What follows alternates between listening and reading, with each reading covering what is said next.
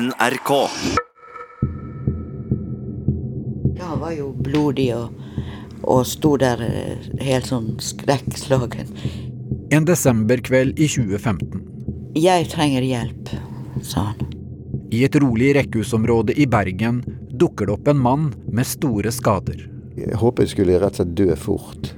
Den karismatiske kunsthandleren Reidar Rosen forteller at han har rømt fra brutale kidnappere. Tre maskerte menn bortførte mangemillionæren midt i Bergen sentrum og mishandla han i timevis. De ga beskjed at de skulle ta livet av meg, og at de hadde laget en grav til meg.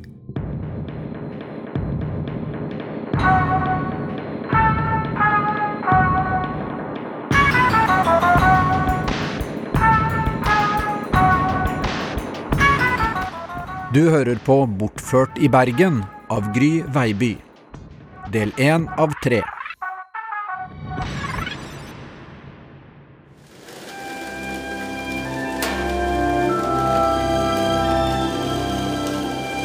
Det er 9. desember 2015.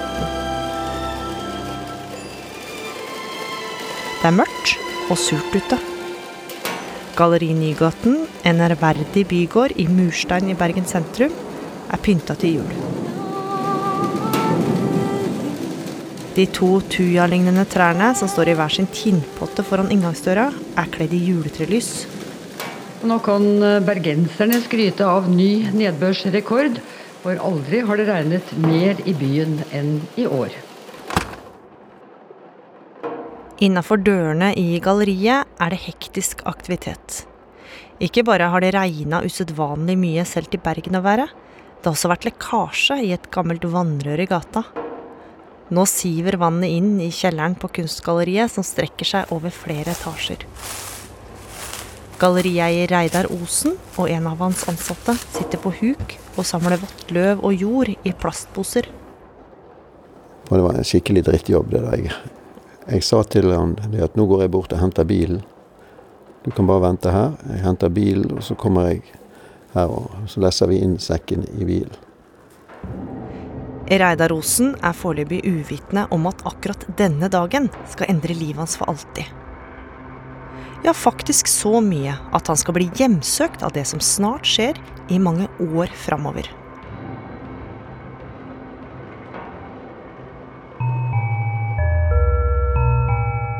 Men hvem er denne Reidar Osen?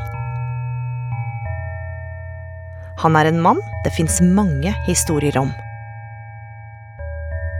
En mann som er kjent for å ikke gi seg, og dermed også kan ha tråkka mange på tærne. Som da han kjøpte luksusleilighet på Måseskjæret i Sandviken. Og insisterte på at det var en hytte. Osen tar oss gjerne med på hyttetur ut til Måseskjæret, et av Bergens mest luksuriøse boligstrøk. Veien dit går via Bryggen. Reidar Osen hissa på seg ligningskontoret ved å nekte å betale boligskatt. Og mobiliserte både presse og advokater. Jeg anbefaler ligningskontoret ikke å sprette champagnen ennå. Det endte med seier. Leiligheten med eget stupebrett og svarte designskinnstoler er hytte. I et avisintervju sier Osen det selv. For staten må jeg være mannen fra helvete. Du skyr jo ingen midler. Ingen midler. Ingen midler. Reidar Osen er en mann som ikke er redd for å skille seg ut. Her har du meg. Han viser fram den eh, fotside ulveskinnspelsen. Den får lufta seg på den årlige skiferien til Alpene. Så den kjøpte jeg i 1972 som årets. Ekte ullers... Ekte, ekte vare. Osen har også nese for gode investeringer. Nå er det eiendom han tjener penger på. For i tillegg til kunst driver han med eiendomssalg. Nylig solgte han en bygård som førte til at alle leieboerne måtte flytte.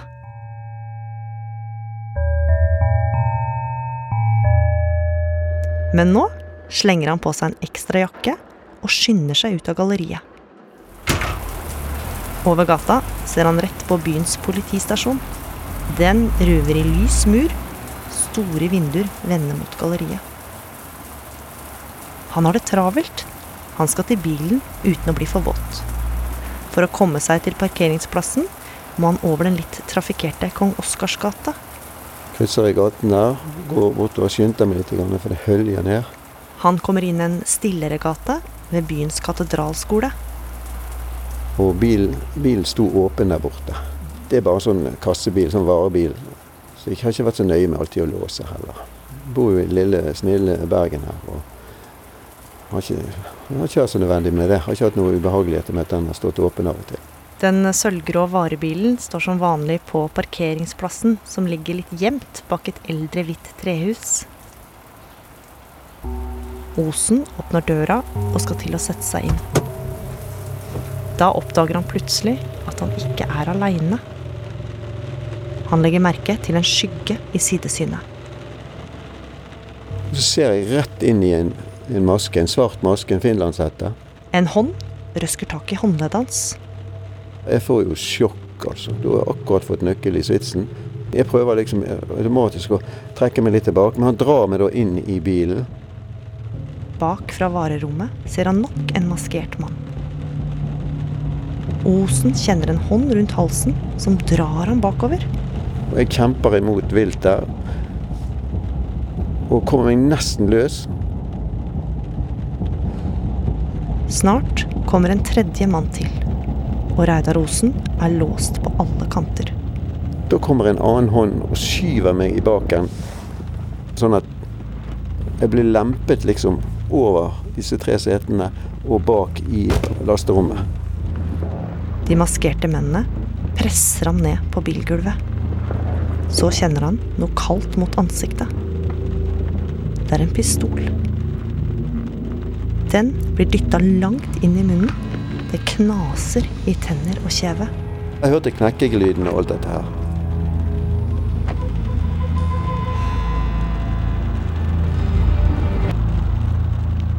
Han får en pose over hodet. Og de snørte til han i halsen. Så det fikk ikke puste. Det var noe av det aller verste som skjedde der. Det var at jeg, jeg fikk ikke puste, altså. Han får strips rundt armer og bein. Slagene hagler. Så starter bilen.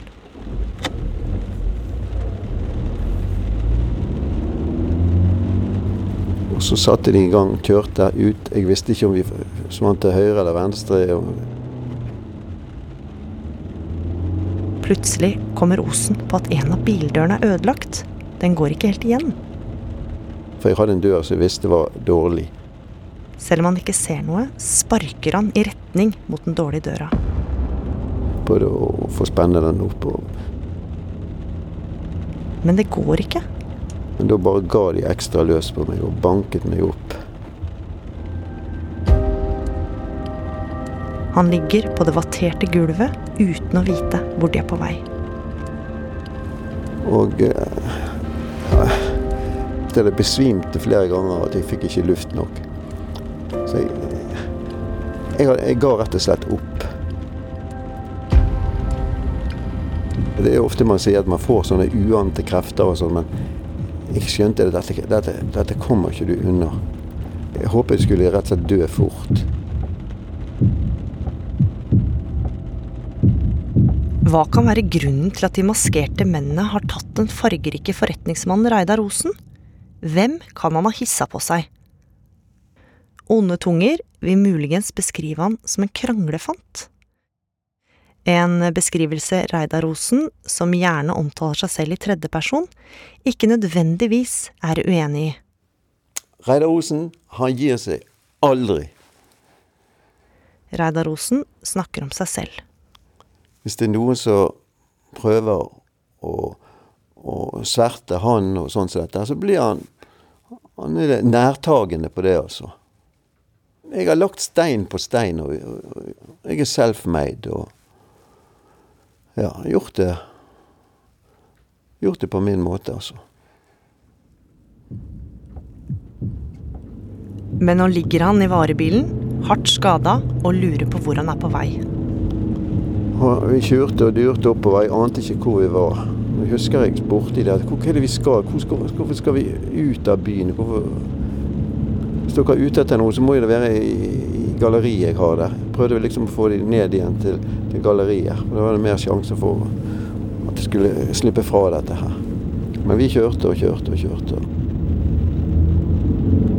En av de maskerte mennene begynner å snakke til Osen. På gebrokkent engelsk sier han at de vil ha penger. Hvis ikke skal han dø. De ga beskjed at de skulle ta livet av meg, og at de hadde laget en grav til meg. De hadde gjort ferdig en grav der jeg skulle ende, hvis ikke de fikk to millioner kroner av meg i kontanter. I den grad jeg klarte å snakke, så sa jeg jeg har ikke to millioner i kontanter, sa jeg. Jeg har 100 000 kroner sikkert liggende hvis jeg har hatt på reiser og sånt, og valuta og sånt. sånt her. Nei, og da lo de rett og slett. Det er 100 000 kroner, det er ikke det her. Vi skal ha to millioner kroner. Reidar Osen er nå sikker på at livet er over. Det var ikke sånn at som som andre sier, at uh, ting passerer i revy og tenker på det og det og det og sånn. Så. Jeg har jo ingen barn og sånne ting. altså Jeg har ikke det å tenke på. Det går opp for Osen at han ikke kan være tilfeldig utvalgt. For kidnapperne veit mistenkelig mye om han. Så mye at han snart blir overbevist om at han veit hvem som står bak. Jeg tenkte søren òg. Jeg vet hvem som står bak dette her. For gal at ikke det skal komme frem nå. Kidnapperne kommer med detaljer om et boligsalg. Detaljer som få kan vite om. En tidligere leieboer måtte nemlig flytte etter at Osen solgte bygården han bodde i. I samtalen med mannen hadde Osen runda ned prisen. Det tallet kommer nå fra kidnapperne. Vi vet at du har solgt et hus for 50 millioner kroner nå. Og vi skal ha en andel ut av dette her. Vi skal ikke ha alt. Vi skal ikke ha 50 millioner. Vi skal bare ha to millioner, sa de. De snakket om galleriet, de snakket om hytten min på Måseskjæret. Og de snakket om uh, samboeren min, og Det var mye detaljer, så I tillegg er det noe kjent med den ene stemmen. Den er mørk og karakteristisk. Det var kun én som snakket inne i bilen. Han snakket engelsk, og aksenten hans er jo Det var Det var med sånn rumensk aksent jeg hørte i bilen. Han var så veldig gjenkjennelig. Osen er sikker på at han har hørt stemmen før. Det rekker han ikke tenke på, for nå stopper bilen. Skyvedørene går opp.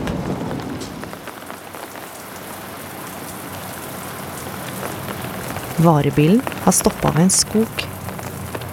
Osen får vite at det er nå det skal skje. Nå skal han i grava de har forberedt til ham.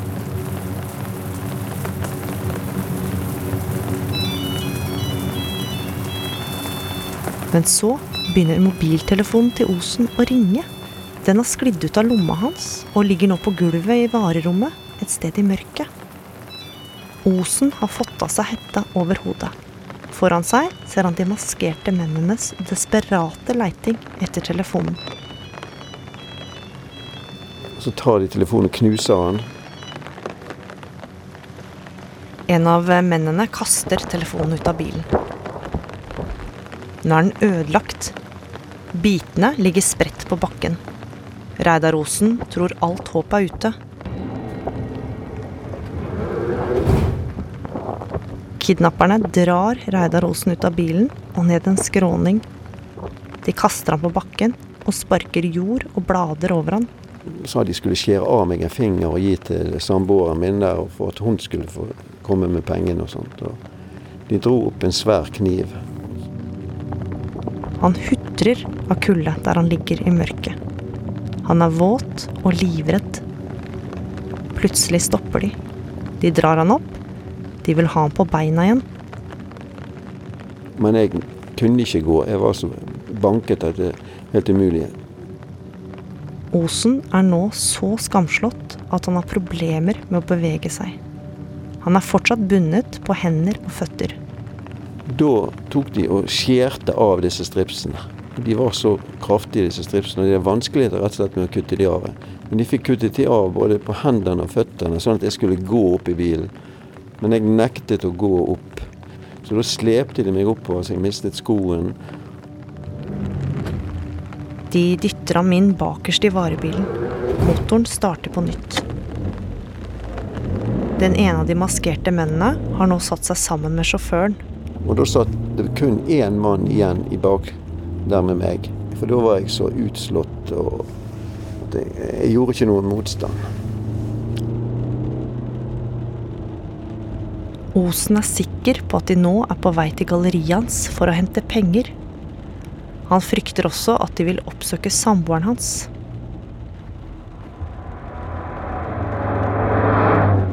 Han får uante krefter. Nok en gang øyner han en fluktmulighet.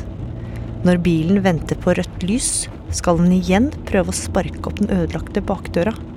Han vil prøve å kaste seg ut. Nå syns jeg nesten det var bedre å bli påkjørt enn å en uviss skjebne sammen med disse folkene. Men det kommer ingen røde lys. Bilen fortsetter å kjøre. Jeg visste ikke hvor jeg var hen. Jeg har ikke peiling om jeg var sydover eller nordover, om jeg var på vei til Førde eller om jeg var på vei til, eh, til Voss. Hadde ikke peiling. Så stopper bilen. Mannen i finlandshette forsvinner ut av bilen, men låser ikke bakdøra. Det blir med ett helt stille. Jeg trodde kanskje at de eh, rømte opp i et hus der, eller, eller de hadde en følgebil med seg de skulle stikke av i, eller Jeg håpet jo på det. Men jeg turte rett og slett ikke åpne bak foran. Jeg var redd for å få enda mer bank. Reidar Osen har mista motet. Han frykter at kidnapperne er rett i nærheten, og ligger helt stille mens han lytter. Døren sto litt på gløtt. Det er sånne doble dører bak, så du skyver utover sånn. Så så jeg det kom en bil oppover veien med lysene på langt nede, et par hundre meter nede. Frontlysene til bilen nærmer seg. Så jeg tenkte nå må jeg komme ut av bilen og kaste meg ut på gaten. Sånn at jeg får oppmerksomhet fra den bilen som kom oppover. Jeg prøvde liksom å ale meg av, men jeg var så utslått at det gikk så tregt og ondt at når jeg var kommet meg liksom fått åpnet døren Da kjørte bil forbi meg. Så der liksom forsvant håpet oppover. Det blir igjen helt stille. Bare regnet som trommer på taket. Men da så jeg rundt meg, det var ingen her. Det var ingen. Jeg var helt aleine. Kryper jeg ut langs siden på bilen mot førersetet. I ren sånn refleks så åpner jeg døren inn til førersetet der. Og, og så tar jeg hånden inn, og da kjenner jeg at svitsen står i fremdeles. Nøkkelen står fortsatt i. Osen bruker alt av krefter og drar seg opp i førersetet.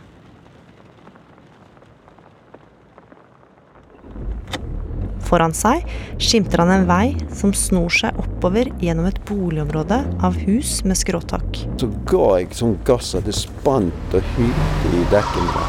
Jeg tenkte nå må jeg komme meg av gårde og ta igjen denne andre bilen som nettopp var kjørt forbi. Det gjorde jeg. Kjørte oppover et par hundre meter. I den andre bilen sitter ekteparet Rolf og Åshild Kolden. De er på vei hjem da de legger merke til varebilen som kommer etter dem. Plutselig så, så jeg lysene fra en bil rett bak meg. Jeg følte nærmest han var bare to meter bak, eller kanskje bare en halv meter. Og så kjørte jeg like etter han. Og jeg skjønte ikke hvem som eh, har gjester som har så bråttom. Så eh, jeg tenkte det at jeg får vel heller kjøre litt, sånn at han får sjanse til å komme inn der han skal. Men han var like kloss opp til meg hele veien. Rolf Kolden prøver å slippe varebilen forbi. Han er nesten hjemme, men nå blir han nødt til å stoppe. Han kommer ikke lenger. Naboen bærer varer ut av minibussen sin og sperrer veien foran dem. Reidar Osen karrer seg ut av varebilen og går mot bilen ekteparet sitter i. Det er som i speilet at han kom ut av bilen, og at han hadde én sko, og at buksebein, ene buksebein var glidd så langt ned at det gikk liksom rundt tåa og lå under skoen. Så han slepte seg frem på en eller annen måte. Osen går mot passasjersiden, der Åshild Kolden sitter. Jeg ble jo litt redd, selvfølgelig. For at jeg, tenkte hva i alle dager er det Det skal, ser sånn ut, sant. Han var jo blodig og, og sto der helt sånn skrekkslagen. At 'jeg trenger hjelp', sa han. Så det var det eneste han sa. Han virka litt sånn tilhyllet eh, Jeg vet ikke om det var kraven som fylte litt opp, eller håret var tjafsete og ja. Det, det, så ille tilrett ut. Hva, hva det er som har hendt? Jakka til Reidar Osen, som egentlig er grønn, er farga brun og grå av jord. De svarte buksene er fulle av gjørme. De tør rett og slett ikke åpne vinduet. Det var en dame som satt på den siden der, på, på passasjersiden. Hun tørde ikke åpne vinduet der og snakke med meg. Det var jo litt skremmende, da. Ekteparet blir usikre på hva de skal gjøre. Er dette her noe som han virkelig trenger en hjelp med, eller er jeg med på noe som kanskje jeg ikke skulle vært med på? Rett og slett. Så spesiell var situasjonen. Og ikke visste vi om og hva, hva, hvem han hadde etter seg. Kunne jo nesten ikke vite om han uh, var i ledtog med et eller annet spekulativt. Så kom jeg rundt bilen til mannen, og han, han ble så stressa. Han ville ikke ringe heller. Og nei, jeg har ikke telefon, så han og... Vi har jo ikke mobil på den tiden. Men det hadde naboen. Naboen med minibussen som sperra veien for Kolden, har også fått med seg det som skjer. Og jeg sa ring til politiet, ambulansen, sa jeg. Han så helt skrekka ut, men han, da ringte han til politiet. Osen får en flaske vann. Men jeg var så dårlig i armene, jeg klarte ikke å ta det opp og drikke det. Så jeg bare holdt flasken ned, og så sprutet jeg inn i munnen min. Mens de venter på politi og ambulanse, sitter Osen på en av trappene til naboens minibuss. Han nærmest bare satt og bøyde seg ned i, i utmattelse. Og var ganske gjennomført og kald. Rolf Kolden, som nå har gått ut av bilen sin, får høre Reidar Osen fortelle at han veit hvem som står bak. Og at han er sikker på at han har hørt en av stemmene i bilen før. Det han forteller, får Kolden til å tenke. Det kan jo hende at han ikke alltid har rent mel i posen heller, for å si det på den måten. Denne saken er litt mer spesiell enn en som helt tilfeldig uskyldig blir overfalt på en sånn måte. Det var nesten litt utrolig det han sa. Eh, hvordan kan du ligge kneblet med strips og eh, bind for øyer og munn og komme deg løs? Og hvorfor står svitsen igjen i en bil der du egentlig er fange? Og er det skillevegg mellom varedelen i bilen og øh, førerhuset? Åssen har dette gått til? Det begynte veldig fort å resonnere om. Så det var vel med og førte til at er dette egentlig virkelig, eller er det noe arrangert? Hva sa du til politiet da? Der forklarte jeg kun det jeg hadde sett. Og det som jeg hadde fått med meg av liksom klagende ytringer. Ja, så du sa ikke noe om det du Jeg sa ikke noe om mine resonnementer. Kanskje jeg ga en hentydning.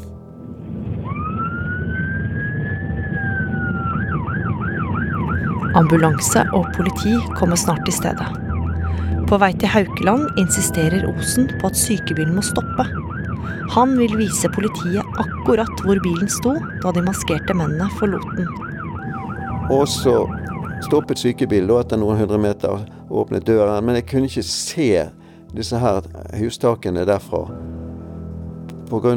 at jeg lå med hodet innerst i sykebilen. Så da sa jeg 'kjør meg ut av bilen', sa jeg. Jeg må, jeg må vise dem dette her.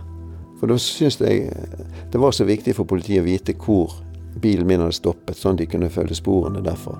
Osen blir trilla ut av ambulansen mens han ligger på båra. Ut og klaffet ned disse hjulene. Sånn. Jeg var ute på asfalten der, og de kjørte meg, snurret rundt, sånn at jeg fikk sett meg omkring. Ja, og så pekte de. Der, der er husene seg. Her sto bilen seg. Nøyaktig her var det skjedd.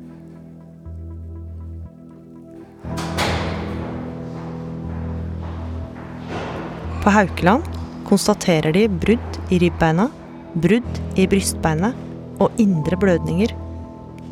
Kroppen er dekka av store blåmerker. Også på halsen har han et blåmerke.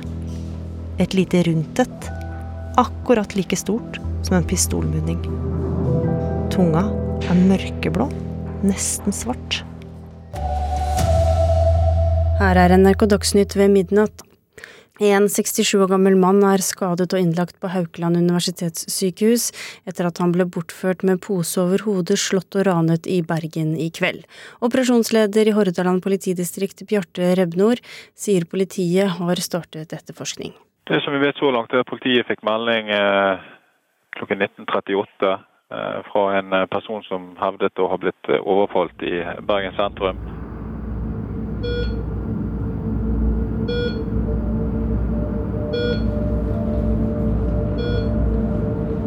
Eh, å komme inn der i eh, observasjonspost, det var som å gå inn på et, eh, et likskue. Eh, Reidar Osen lå eh, flat ut på sengen i et mørkt rom. Noen eh, maskiner rundt som vitner om liv, gir sine signaler og bevegelser. Det er dagen etter bortføringa. Eh, det var veldig utfordrende å eh, ha en samtale med han.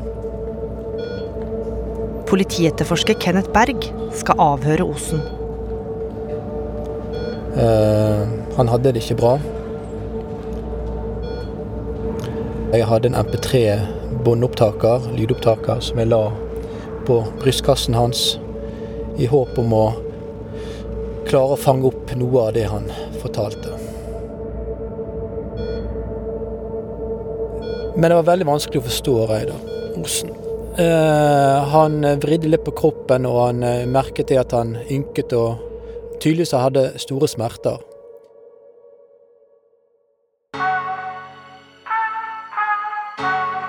Men når eh, Reidar Osen begynner å fortelle, er det ikke alle som helt tror på han. Reidar er tøff, og, og har ikke bare venner. Og så flasher han litt mye penger, kanskje.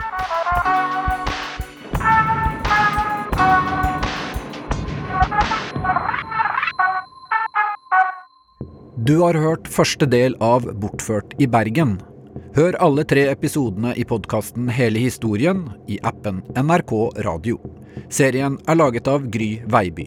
Lyddesign Kjetil Hansen. Produsenter Line Alsaker og Kjetil Saugestad. Redaktør Siril Heierdal. Spesialkomponert musikk ved Hanne Hukkelberg. NRK.